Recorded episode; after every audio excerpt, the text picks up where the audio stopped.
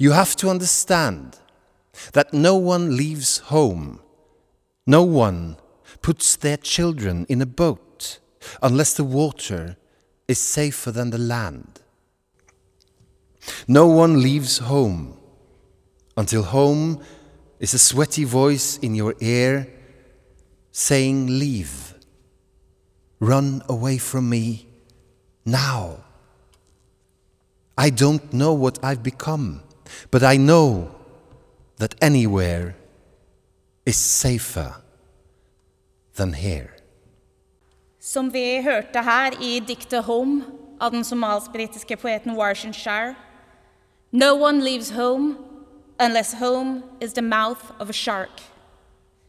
Mitt navn er Christina Quintano. For mange av dere er jeg bedre kjent som budbringeren fra helvete. Helvete er et sted. Det er det stedet vi ser på som vårt middelhavsparadis, men der vi lar barn synke ned til havets bunn for å gå i oppløsning og bli spist av fisk. På bunnen av helvete ligger tusenvis av mobiltelefoner med ubesvarte anrop og bekymrede tekstmeldinger som aldri skal få svar. Der nede i mørket ligger SIM-kort fulle av bilder og minner, universitetspapirer og drømmer om et liv et annet sted. Der nede ligger kartene over et annet liv. Hver gang vi tar et skritt ut i Middelhavet, svømmer vi i noens grav.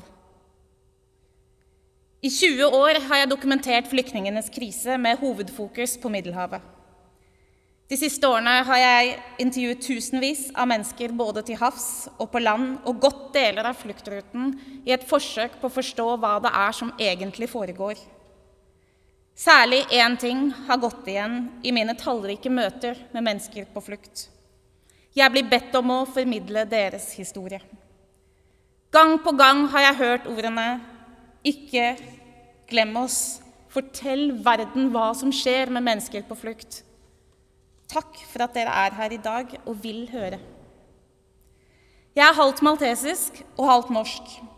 Og det var i 2001 at de første båtene med fortvilte båtflyktninger smalt rett inn på klippene på vår idylliske kalksteinsøy midt i Middelhavet. De siste årene har det kommet tusenvis av mennesker sjøveien til Malta.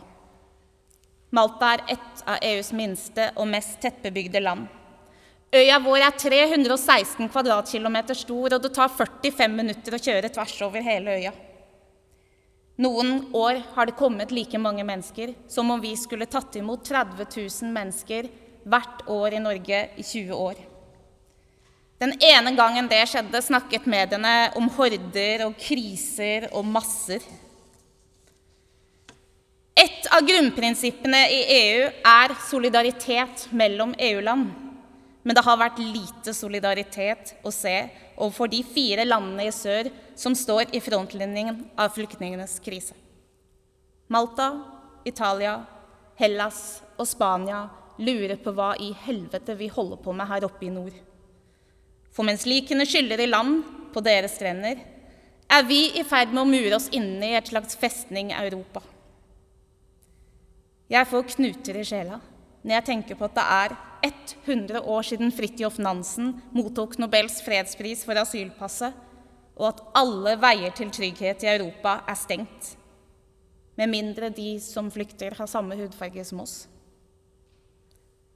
Allerede i 2007 brukte maltesiske medier ordet 'crisis fatigue', eller kriseutmattelse, om det maltesiske folk. For mens det druknet mennesker i tusentall rett utenfor våre badebukter, hadde man i Norge knapt hørt om dem gjennom norske medier. Malta og Middelhavet var ikke nært nok til at forlisene som daglig utspilte seg der, gjorde nevneverdig inntrykk på oss. Og mens fiskerne fra Middelhavet plukket lik ut av fiskegarnene sine og sluttet å spise sin egen fangst, fortsatte norske turister å kose seg noen meter unna uten på noen måte å være klar over at det var en enorm humanitær krise ute på havet. Ikke før i 2015, det året flyktningene plutselig nådde våre grenser. Da var fiskerne og dykkerne og redningsarbeiderne og lokalbefolkningen på Malta og Lampedusa allerede utslitt. For flyktningenes krise startet ikke i 2015. Og den sluttet heller ikke i 2015, selv om mediene sluttet å rapportere. Å skrive om melaninrike mennesker på flukt er ikke sexy. Det gir ikke klikk og likes. Tvert imot så skaper det opphetet kommentarfelt og hodebry for redaktørene. Da er det kanskje like greit å la være å skrive om dem. Jeg har kledd meg i svart i dag, for inni meg så føler jeg at vi er i en begravelse. Derfor har jeg også tent et gravlys. Fordi det er mer enn mennesker vi begraver nå. Jeg føler også at vi i Vesten er i ferd med å begrave vår egen medmenneskelighet. Jeg er, akkurat som mange andre, også redd og fortvilt om dagen. Men jeg er ikke bare redd for krig. Jeg er redd for at vi alle ender opp med knuter i sjela hvis vi snart ikke slutter å betrakte andre menneskers lidelser uten å reagere nevneverdig. I korte perioder dekker mediene flyktningenes krise. Og i mange år selv så trodde jeg kanskje litt naivt at dersom grusomhetene bare kunne vises og beskrives tydelig nok, så ville folk ta inn over seg hva det var som foregikk der ute på Middelhavet. Det fantes tusenvis av bilder av barn som druknet i Middelhavet i over 15 år før bildet av Allan Kurdi vekket verden 2.9.2015.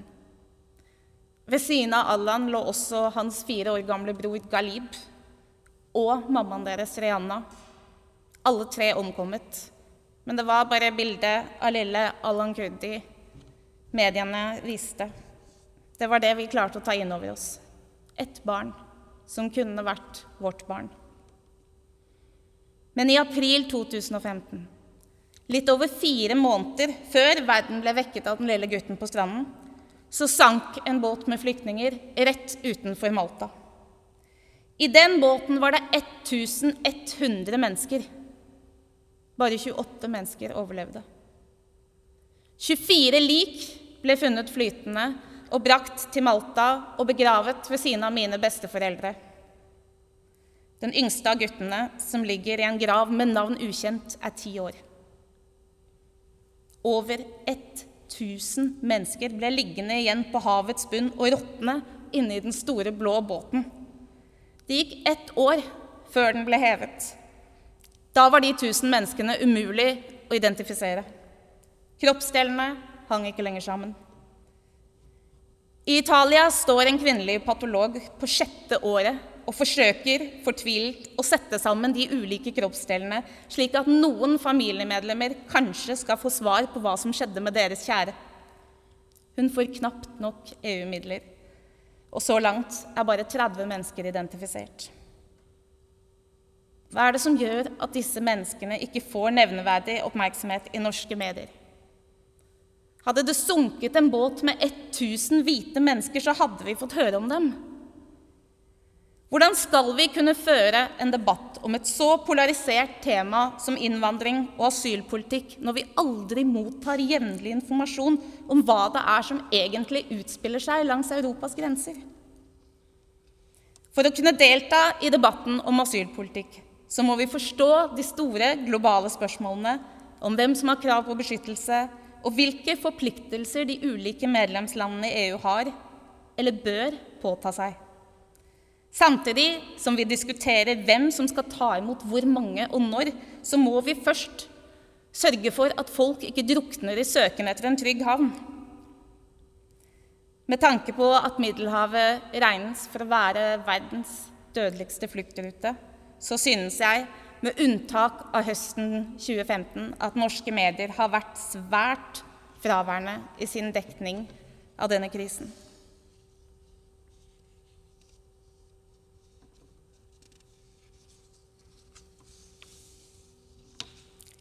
Til tider har jeg følt meg som Gustav Monier, den første presidenten for Den internasjonale Røde Kors-komiteen, da han i 1899 skrev Vi vet nå hva som skjer hver dag over hele verden. Beskrivelsen fra dagspressen journalister plasserer dem som lider på slagmarken, for øynene på leserne og lar skrikene gjalle i deres ører. Akkurat som Monier gjorde for over 100 år siden, så trodde jeg at dersom leserne og politikerne bare ble presentert for skrikene som gjallet over Middelhavet, så ville hjelpen komme. Jeg er glad for at jeg i 2001 ikke visste at Europas yttergrenser 20 år senere ville være mer stengt enn noen gang, og at vi kom til å la mennesker drukne selv om vi visste nøyaktig hvor de befant seg. Hadde jeg visst det, så ville jeg trolig ikke påtatt meg et 20 år langt frivillig dokumentasjonsprosjekt. Det er meldt om enorme tap i krigen i Ukraina. De er menneskeliv som hadde en fremtid, og som var noens alt, og som døde i en krig de aldri hadde bedt om. Jeg skjønner godt at mediene dekker det, og jeg skjønner godt at Vesten gråter for dem. Men for to dager siden så druknet det 16 mennesker i Middelhavet. Ni døde kropper ble plukket opp utenfor Lampedusa, og syv kropper skylte i land på Lesvos som i aller høyeste grad også er vårt nærområde. Også disse menneskene hadde en fremtid, og også de var noens alt. Likevel så hadde de ikke nok verdi til å bli omtalt av norske medier. Dersom det hadde vært europeere som fløt opp på Middelhavets gylne strender, så ville vi nok ha hørt om dem. Det er lett å få inntrykk av at de som krysser Middelhavet, er annenrangs mennesker. Jeg har stor forståelse for at mennesker er redde nå. Jeg skjønner at det som foregår i Ukraina, er skremmende nært. Og jeg skjønner at en annen form for krig henger over oss, og at det er skummelt. Jeg ser at når bildene i media viser hvite barn på flukt, så skjer det noe i nordmenns hjerter.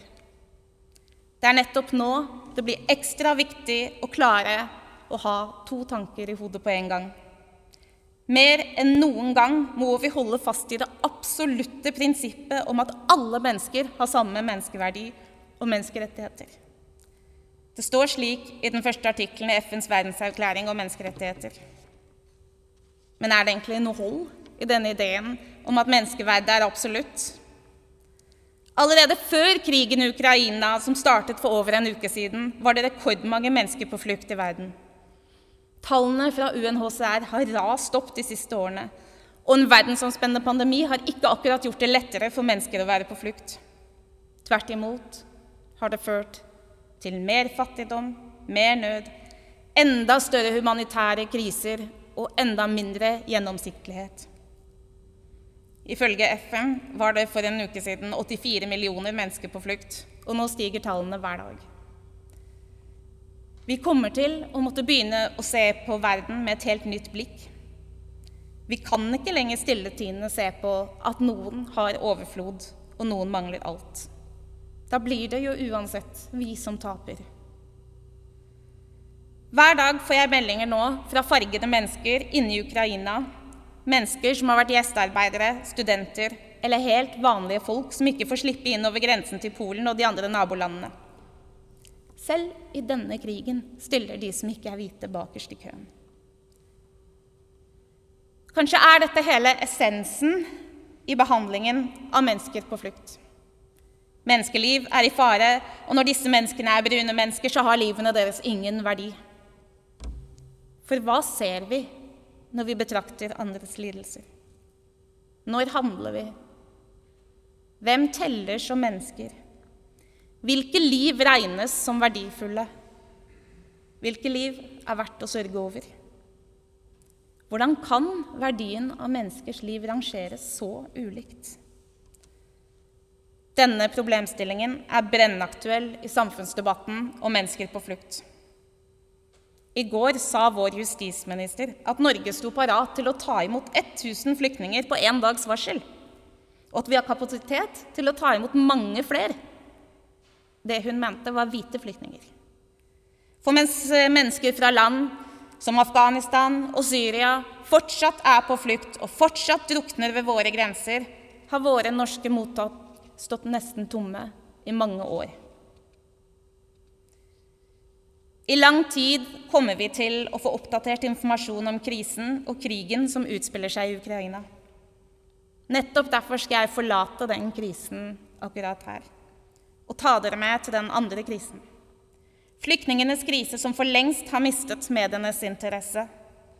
For hver eneste dag nå drukner det mennesker i Middelhavet. Og aldri før har denne ruten for mennesker vært så farlig.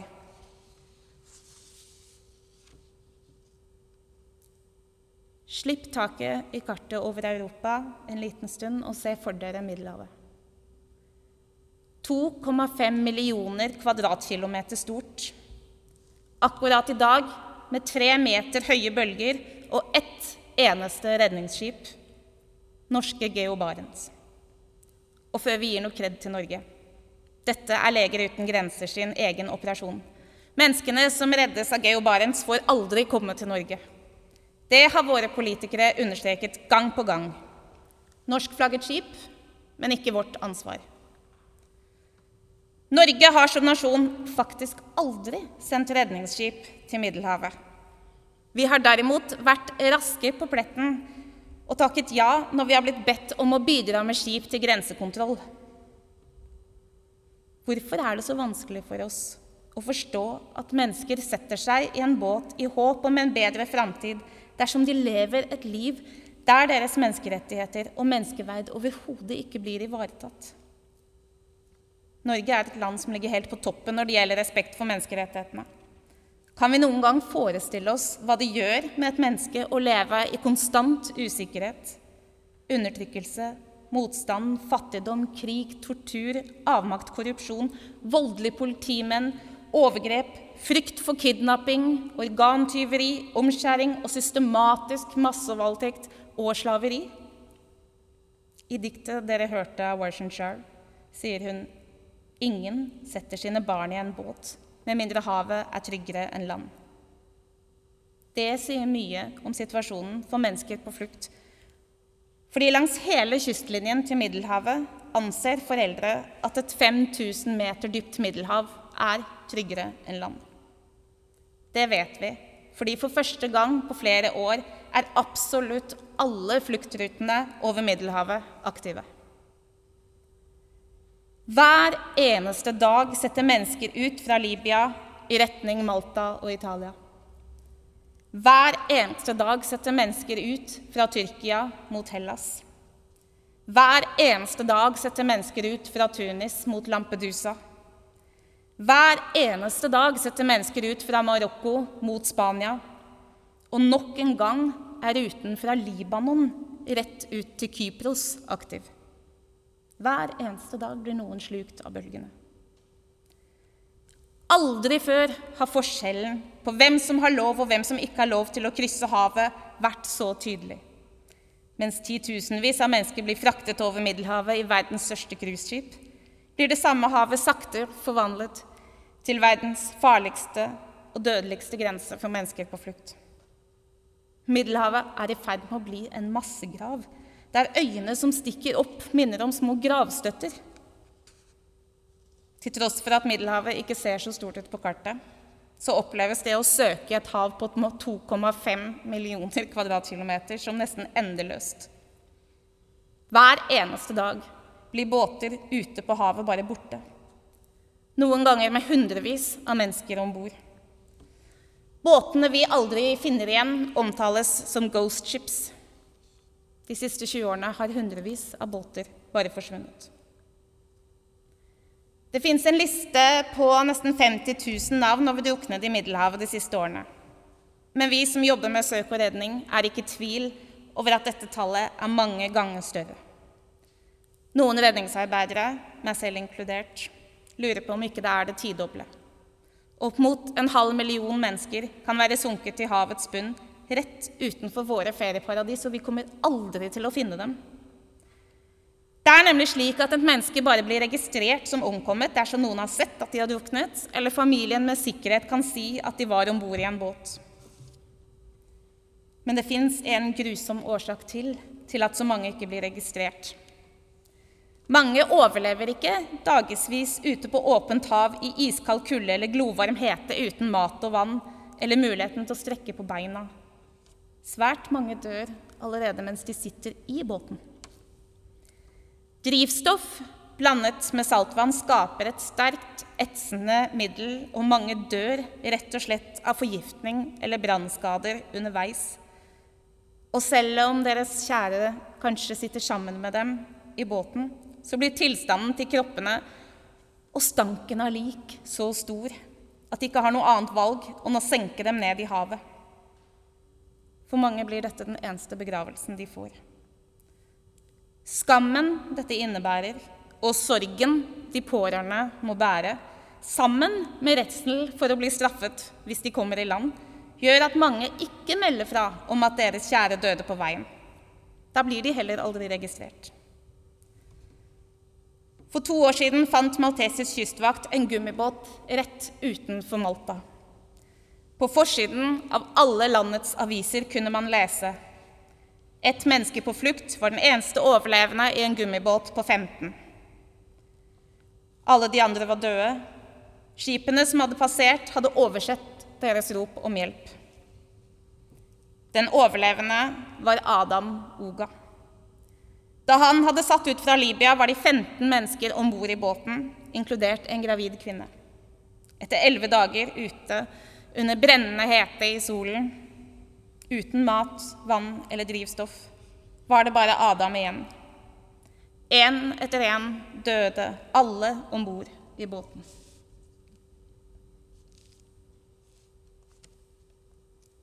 Jeg skal lese et bitte lite utdrag fra kapittelet som heter 'En enslig overlevende'.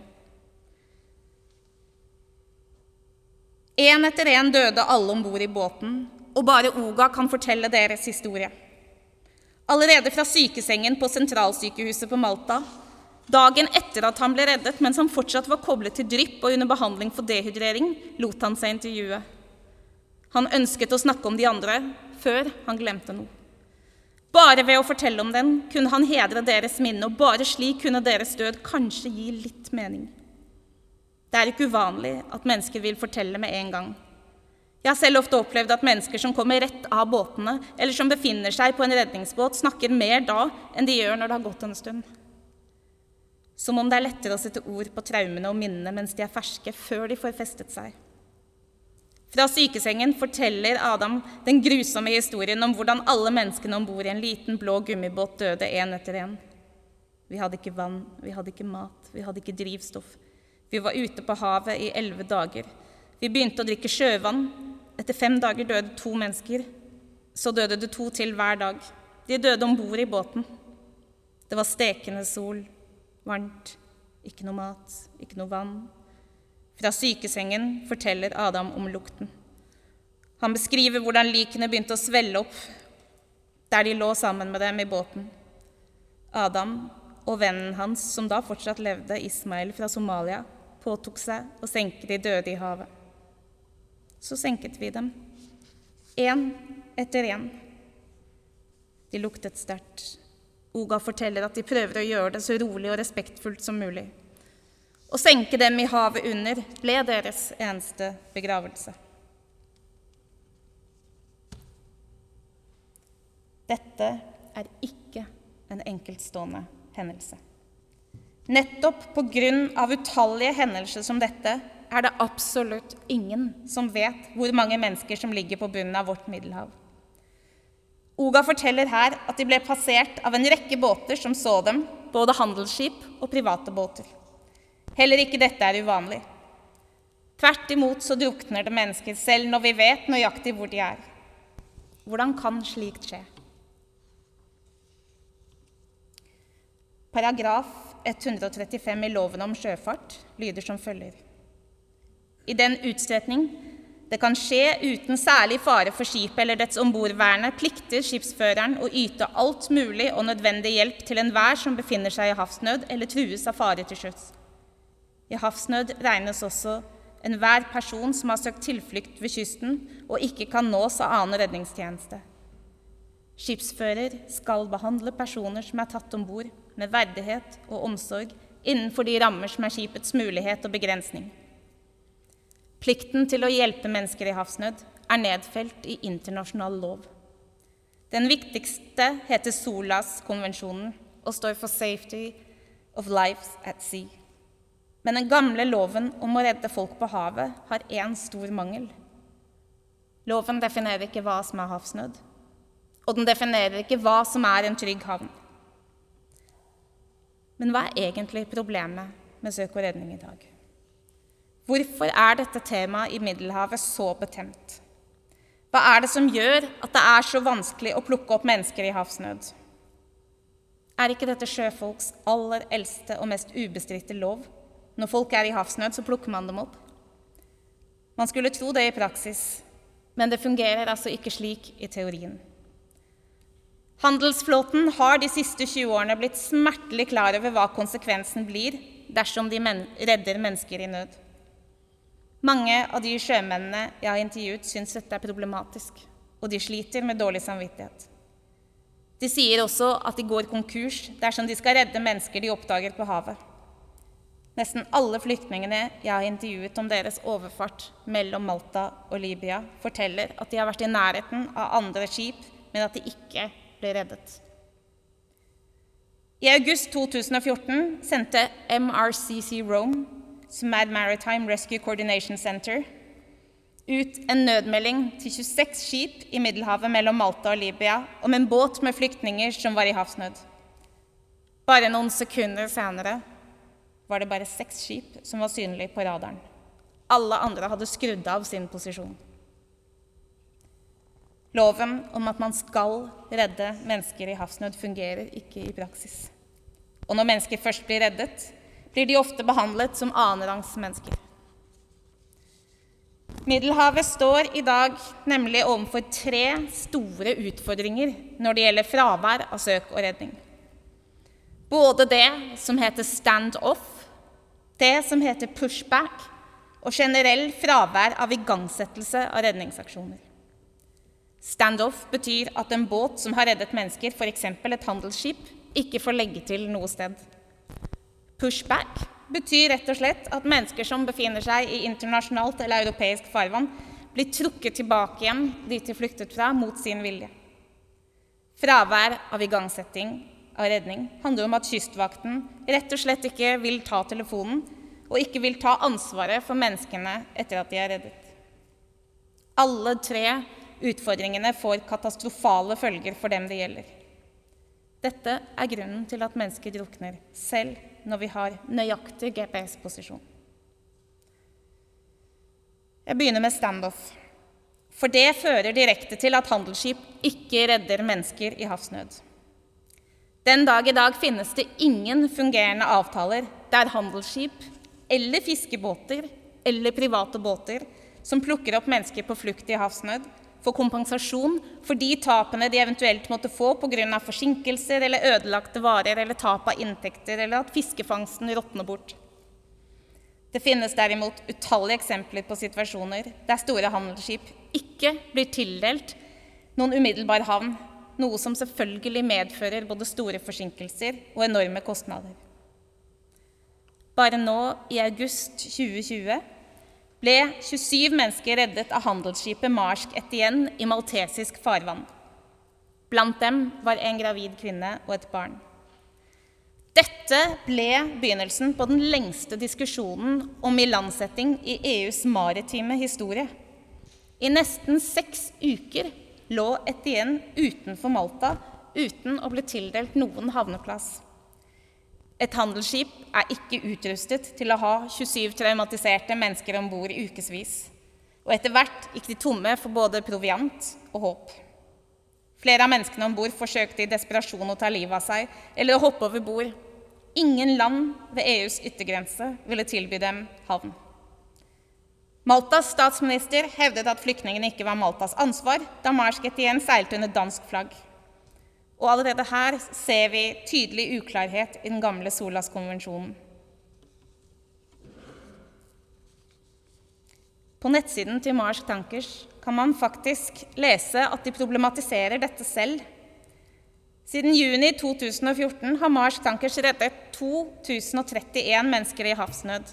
Men den nåværende administrerende direktøren sier at det mest bekymringsverdige er fravær av politisk handling, og at det per nå ikke finnes noen politiske løsninger for slike hendelser. Den andre store utfordringen i Middelhavet akkurat nå er pushbacks. Bare i fjor ble 32 000 mennesker stoppet av såkalt libysk kystvakt og ble mot sin vilje trukket tilbake til Libya.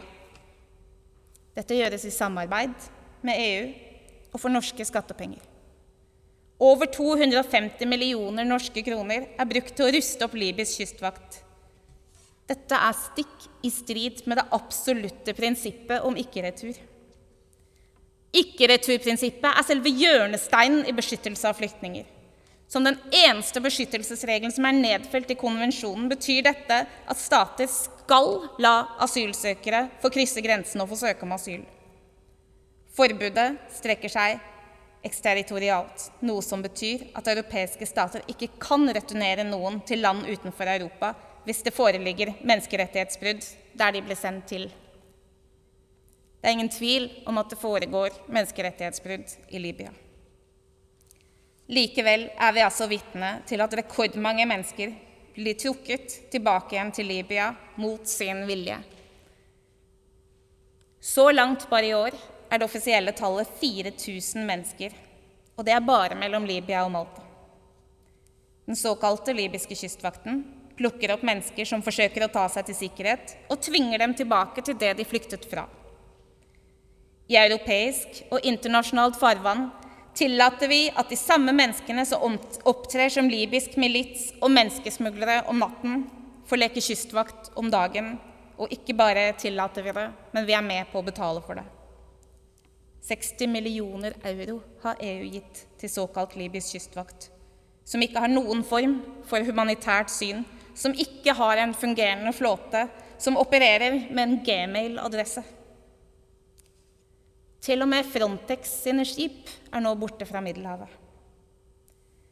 EU driver grensekontroll fra lufta, ikke fra sjøen lenger. Frontex sine fly flyr over Middelhavet, og så gir de GPS-koordinatene til båter som er i ferd med å synke, rett til libysk kystvakt. Da slipper EUs kystvaktflåte til og med å redde dem. Vi trenger bare å sitte i et fly og delegere oppgaven til dem de flyktet fra. I Egeerhavet mellom Tyrkia og Hellas ble det registrert 53 ulovlige tilbakeskyvninger bare i februar i år. Ifølge Aegean Boat Report ble 1264 mennesker, barn, kvinner og menn, skjøvet ut igjen på havet og nektet å søke asyl. Siden pandemien startet, har nesten 30 000 mennesker mellom Tyrkia og Hellas blitt dratt tilbake til start. Dette er resultatet av EU-Tyrkia-avtalen. Mange av dem har til og med rukket å gå i land på øyer som Lesvos, tar bilde av seg selv på et tydelig kjent landemerke for å vise at de er på europeisk jord, men så blir de plukket opp av gresk politi, banket, ribbet for ting og skjøvet uten redningsvester tilbake ut på havet. Ut av syne, ut av sinn.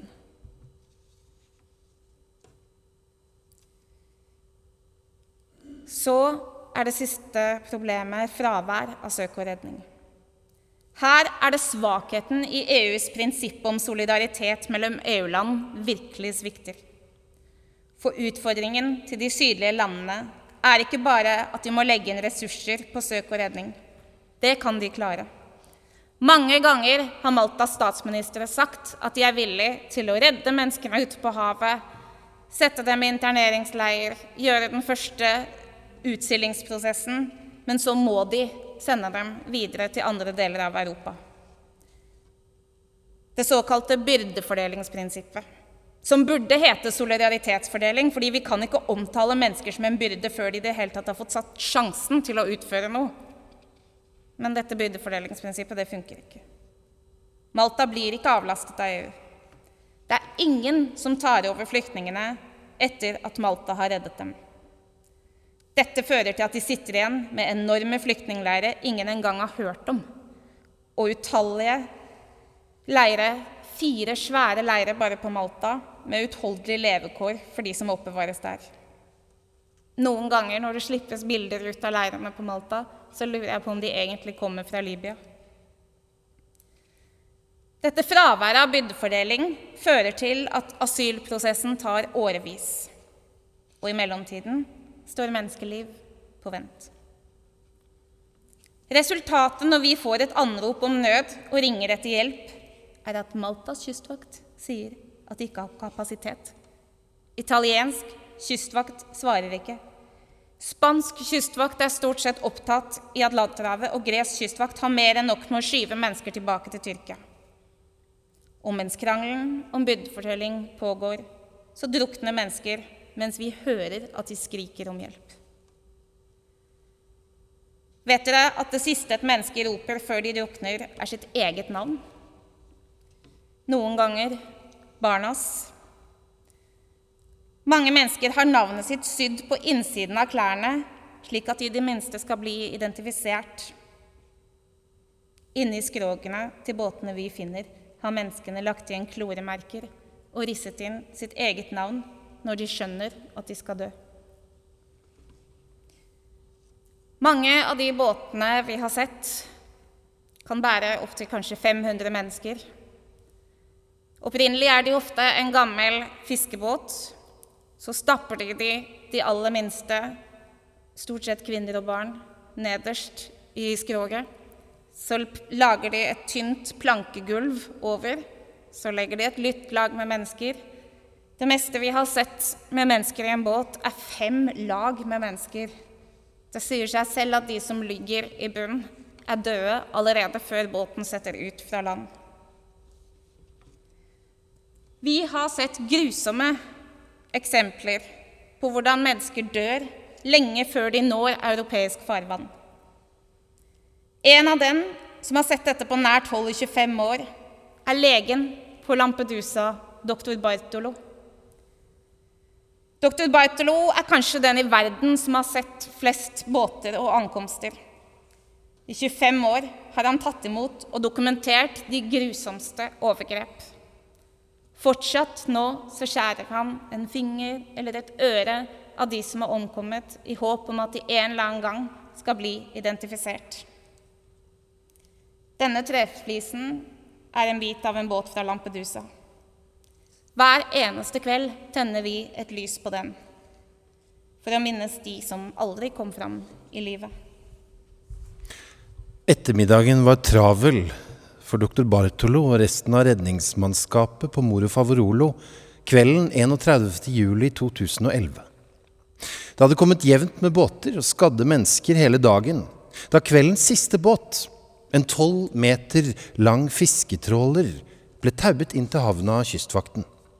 Om bord var omtrent 250 mennesker. Doktor Bartolo hadde tatt med seg en yngre og mindre erfaren lege ned til kaia, og sammen undersøkte de menneskene som gikk av båten, én etter én, før de viste dem videre til minibussene som skulle frakte dem over til det overfylte senteret.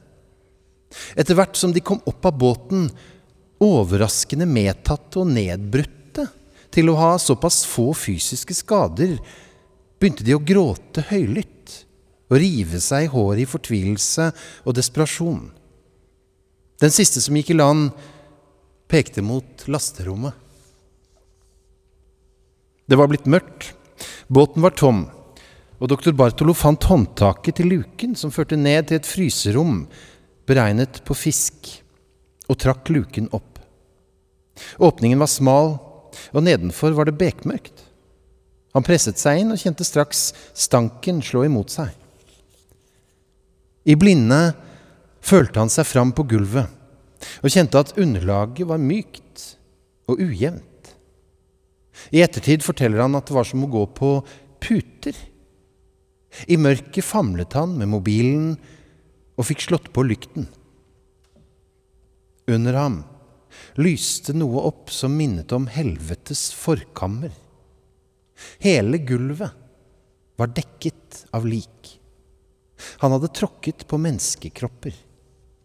Utallige, unge, små kropper. De var nakne alle sammen og stablet oppå hverandre. Noen med armer og bein tvunnet sammen. Veggene var oppskrapte og hadde blodstriper. Mange av de døde manglet fingernegler. Bartolo krabbet ut av båten og kastet opp på brygga mens han forklarte redningspersonalet hva han hadde sett. Dette overgikk det meste av det de hadde tatt imot tidligere. En brannmann klatret ned i båten og begynte å binde tau rundt de nakne, døde kroppene og trekke dem opp gjennom luken. Da de la dem utover kaia, kunne man se at mange av dem hadde knuste skaller og ødelagte hender. De var blitt slått. Dette var brødre, søstre, familie og venner av dem som hadde gått i land noen minutter før. Dette er det som foregår langs vår ytre grense. Når media omtaler mennesker på flukt som migranter, så er det disse menneskene de snakker om. 3. oktober 2013 sank en 20 meter lang fiskebåt utenfor Lampedusa med over 500 mennesker om bord. 155 ble reddet til land, men 360 mennesker druknet. De døde ble tildelt italiensk statsborgerskap post mortem. En statue, en minnesplakett, ble satt opp under vann med to hender som holder i hverandre. De overlevende, derimot, de som hadde mistet sine kjære i havet, de fikk en bot på 5000 euro for å ha tatt seg ulovlig inn i Europa. Hvis ikke dette er symbolpolitikk, så vet ikke jeg. Mennesker skal skremmes fra å søke tilflukt hos oss for enhver pris. Jeg tror at på alle de 20 årene jeg har dokumentert flyktningenes krise, så er det ikke flyktningenes historie som har gjort størst inntrykk på meg, for de var jeg forberedt på. Jeg visste at jeg kom til å høre de grusomste historier der ute. Men jeg var ikke forberedt på å høre staute, erfarne dykkere fortelle om hvordan det oppleves å svømme inn i et vrak og trekke ut 300 mennesker. Noen ganger så farer de bare opp som en kjede av lik.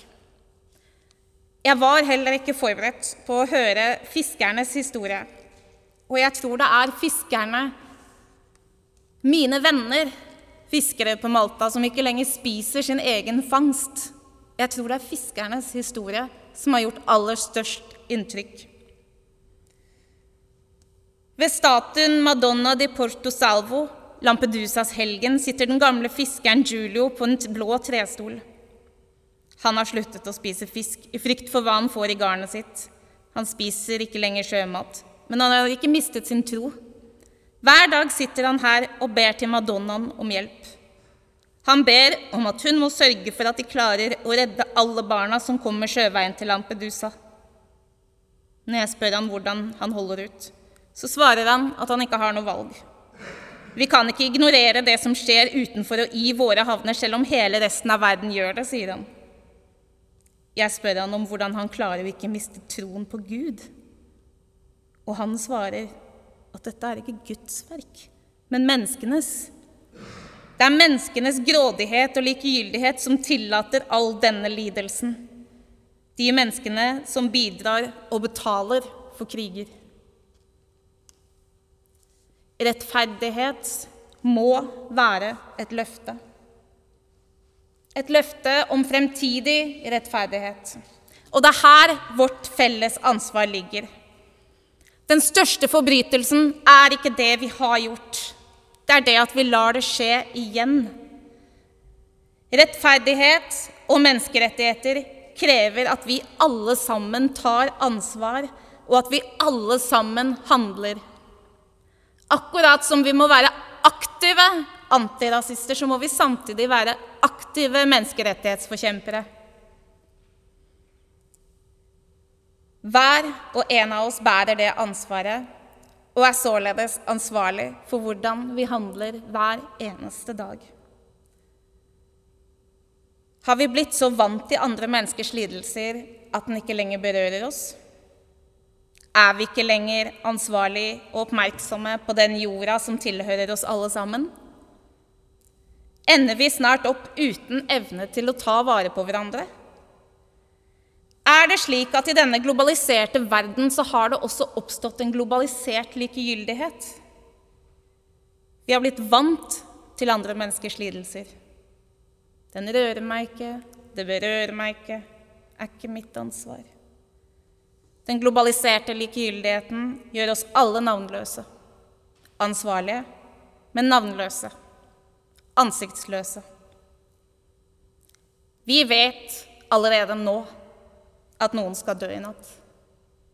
Både i Ukraina og ved Middelhavet. De som ser ut som oss, kommer vi til å få høre om i nyhetene i morgen. De som synker til havets bunn i natt fordi de ikke anses som verdifulle mennesker, får vi ikke lese om. Natten i natt er hellig. Noe skal skje. Det som skal komme fra himmelen, er ikke bare sne. Natten i natt er hellig. Noen skal dø i natt.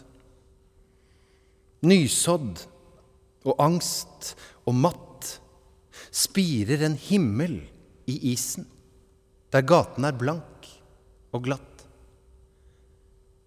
Natten i natt er hellig. Noen skal fødes i natt.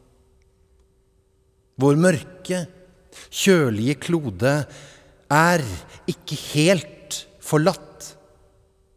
Fra hennes lysende søstre kommer det noen i natt. På mobilen min har jeg et bilde av et lite barn. Ennå ikke ett år gammelt. Den lille er skylt i land på en strand. Død og alene er den lille, nakne kroppen pakket inn i sjøplast. Bildet er et perfekt symbol på vårt svik både overfor mennesker på flukt og den jorda vi lever på. Vi må slutte å begå grove humanitære overgrep som våre barn må be om unnskyldning for om 50 år. Det må være menneskets løfte til hverandre at vi ikke stilletiende skal betrakte andre menneskers lidelse. Hvis ikke så ender vi alle sammen opp med knuter i sjela.